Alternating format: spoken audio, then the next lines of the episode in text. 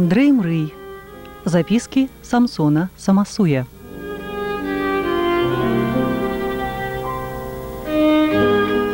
У чытальнай зале радыёвабода класічны літаратурны партрэт савецкага беларуса. Напісаны з натуры і ў часе самага зародку гэтага тыпу.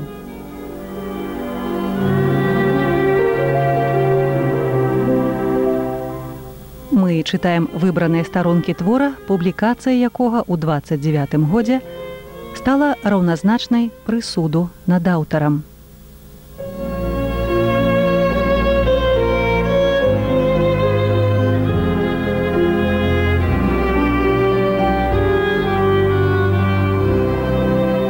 У ролі галоўнага героя сяржук сокалаў воюш.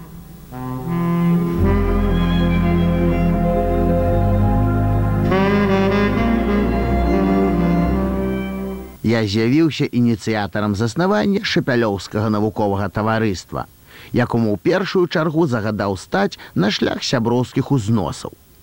Потым мы абралі ганаровых правадзейных сяброў, супрацоўнікаў, карэспандэнтаў і дапісчыкаў таварыства.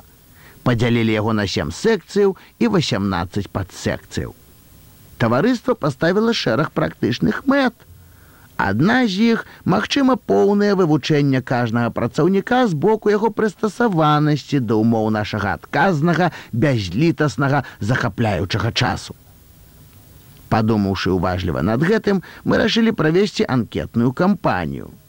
На машынцы мы аддрукавалі тры тысячи анкет і раздалі іх усім шапялёўскім працаўніком. Але як пачалі прыходзіць запоўненыя анкеты, мы пабачылі, што трэба з абцэдлы пачынаць палітычнае і культурнае выхаванне працаўнікоў.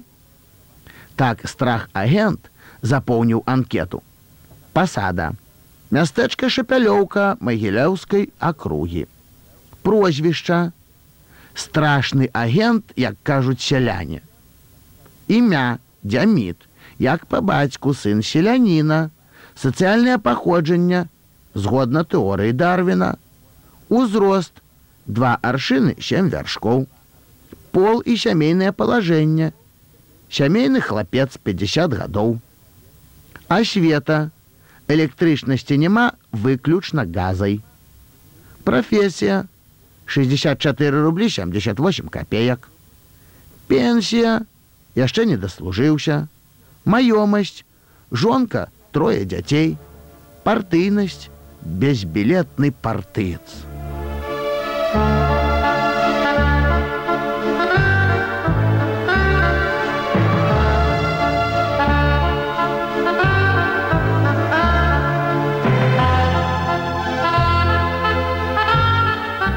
склікана нарада на якой у мэтах падвышэння культурнага ўзроўню савецкіх працаўнікоў прызналі своечасовым і мэтазгодным заснаваць на сцен газету склалі рэдкалегію ў складзе мамона дусіка і мяне і пачалі абмяркоўваць пытанне аб назве газеты.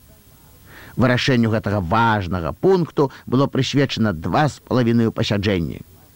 Ніяк не маглі прыйсці да згоды тут нават у мяне з мамонам ледзьве не склалася разрыўная сітуацыя Ён настойваў газету трэба назваць чырвоная пуха бо яна будзе несвядомых падганяць да сацыялізму Дусік уносіў прапанову назваць газету чырвонае шапялёўскае вока. Торба хацеў назваць гостры чырвоны зуб. А я даваў сваю кароткую назву пераможны кліч шапялёўскага райвыканкому. Кажны адстойваў сваю назву, і ў спрэчках мы па сем разоў бралі слова. Я пераканаўся, што добром нічога не даб'ешся і заняў выглядальную пазіцыю. Пакуль усе спрэчнікі не змірыліся і не захацелі піць. Тады я зноў прапанаваў сваю назву, а яны змораныя папярэдняй палемікай далі сваю згоду. На другі дзень наша газета пачала выходзіць штодзённа.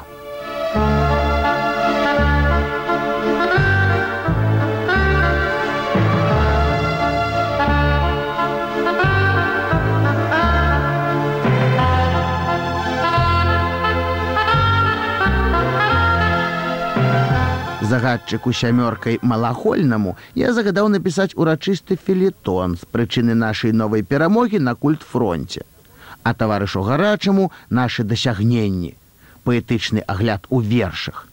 Іншым настаўнікам прапанаваў агульнаагітацыйныя артыкулы аб зніжэнні сабе кошту, аб хлебных загатоўках, аб формах увязкі з рознымі установамі. Нам удалося ўцягнуць у газету ўсіх працаўнікоў. Пісаць мы навучыліся лёгка, бо трэба было зрабіць нязначную працу. З вялікіх артыкулаў друкаваных газет скласці маленькія ў пяць радкоў. Як прыклад, прывяду узорны артыкул фельчара без хвосціка на тэму, што дала сялянам савецкая ўлада. Ён напісаў: Савецкая ўлада дала сялянам зямлю і волю. Няхай жыве савецкая ўлада, зямля і воля, вэтфельшер без хвосцік. Часам нам не хапала часу для пісання газетных артыкулаў і для перадрукоўкі іх на машынцы. Машыністка справіла гевалт, як сказаў наш дзелавод Арон Шык. Супрацоўнікі РВК пісалі артыкулы ў часе заняткаў і гэта выклікала тармазаванне ўсяе працы. Апошняя прымусіла нас адмовіцца ад штодзённага тэрміну выпуску газеты і мы пачалі выдаваць адзін раз у тыдзень. Рэдагаванне газеты было турботнай пякельнай справай. Дапішчыкі былі непісьменныя і задзёрыстыя. Былі такія паважныя фрукты, якія нікога не шкадавалі і разносілі ў пыл шмат пісалі пра мяне, але гэтыя карэспандэнцыі з прычыны элементарнай непісьменнасці і недапушчальна грубага тону накіроўваў у свой архіў, а самую большую частку аддаваў аўтадафе.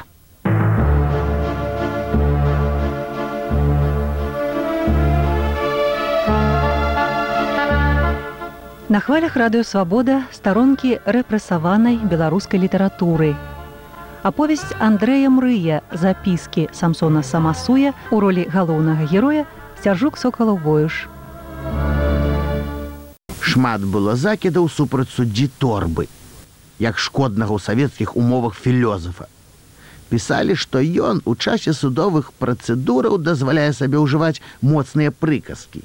Дзівацкія прыслоўі, якія потым распаўсюджваюцца ў народзе і перадаюцца з вуснаў у вусны, пераходзячы нават межы раёну. У гэтай з'яве рэдкалегія справядліва ўбачыла ідэалагічную небяспеку і апублікавала нават супраць маёй думкі найбольш гучныя карэспандэнцыі.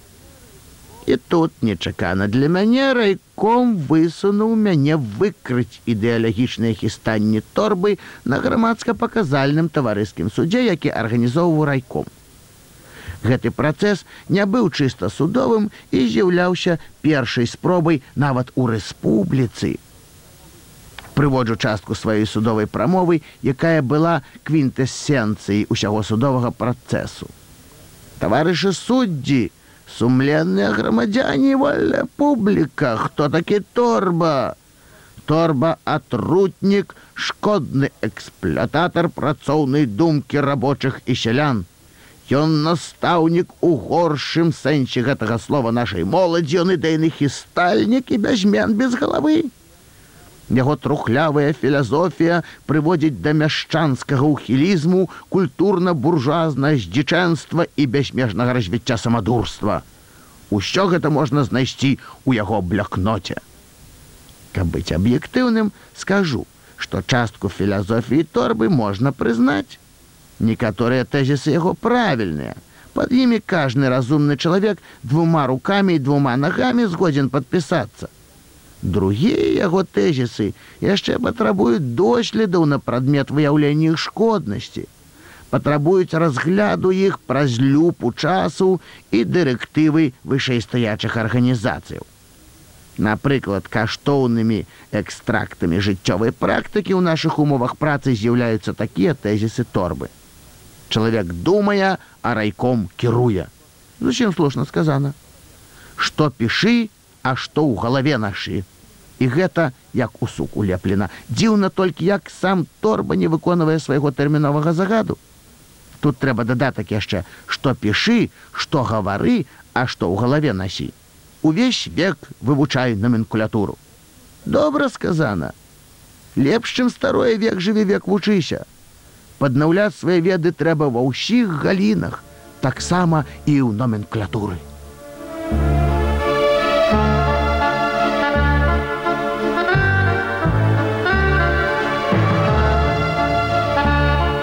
А цяпер я вам прывяду прыказкі торбы, якія яшчэ трэба уважліва прааналізаваць з боку формы зместу гукавога складу і гэтак далей, каб падрабязна высветліць іх якасную каштоўнасць. Не дражні, чорта, чорт чортам смярдзіць. Каго разумее торба пад чортам, калі на агул, згодна дэкрэту чарцей не мае быць не можа. Дорага ды агіла, дзёшава ды гніла. Незразумелая думка свет вялік адзецца нейдзе мусіць трэба буржуазны свет.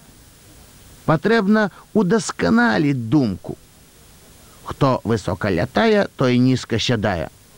Не разумею супраць каго гэта накіравана.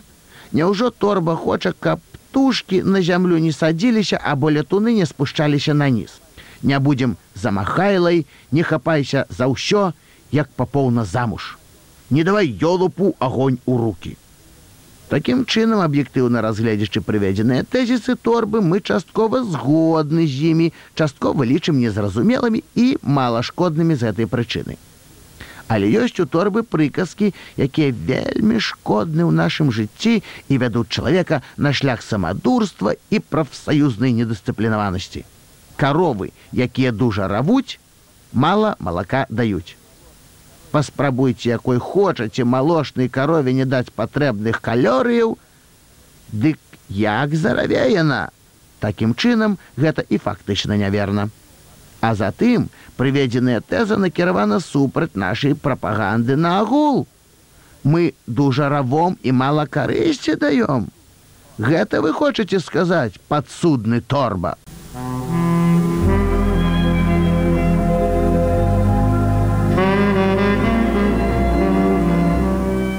пасля гэтага працэсу у мяне было пачуццё пякелля незадаволенасці. Каб пазбыць яго, я заняўся навуковай і публіцыстычнай чыннасцю. Я паслаў у цэнтральную газету артыкул, як размяркоўваць свой час савецкаму працаўніку, калі ён не прысутнічае на пасяджэннях, сходах, нарадах і канферэнцыях. У акадэмію навук я паслаў тры трактаты. Першы трактат аб вугалі ў шапялёўскім раёне. Тут я падрабязна высвятляў. У раёне ёсць жоўты вугаль, сонца, белы вугаль, вода, блакітны вугаль, ветер, як аснова для заснавання грандыёзнага ветрабуду, зялёны вугаль, торф і чырвоны вугаль, чалавек жывёла.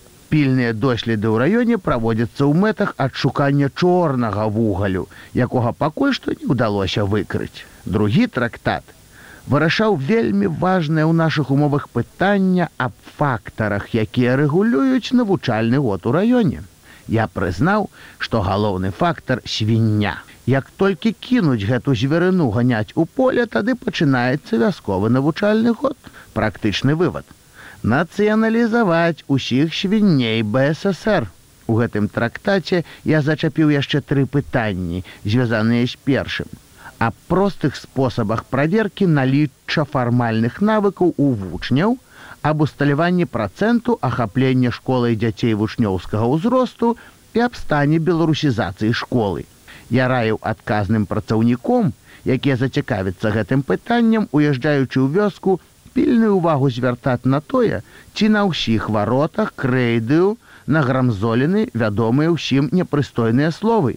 І лаенка, і ці сустракаецца ў іх у нескладовага замест звычайнага. Калі вы атрымаеце станоўчыя вынікі, дык не марудзячы ні хвіліны вы як даследчык маеце права зрабіць вывад. Першае. Фармальныя навыкі ёсць, калі можна разабраць, што напісана. Другое. Усе дзеці ахоплены школай, калі хоць і рэдка сустракаецца ў нескладовая. На хвалях радыёвабода старонкі рэпрэсаванай беларускай літаратуры. Аповесць Андрэя Мрыя запіскі Самсона Самасуя у ролі галоўнага героя цяжук сокалаў воюш.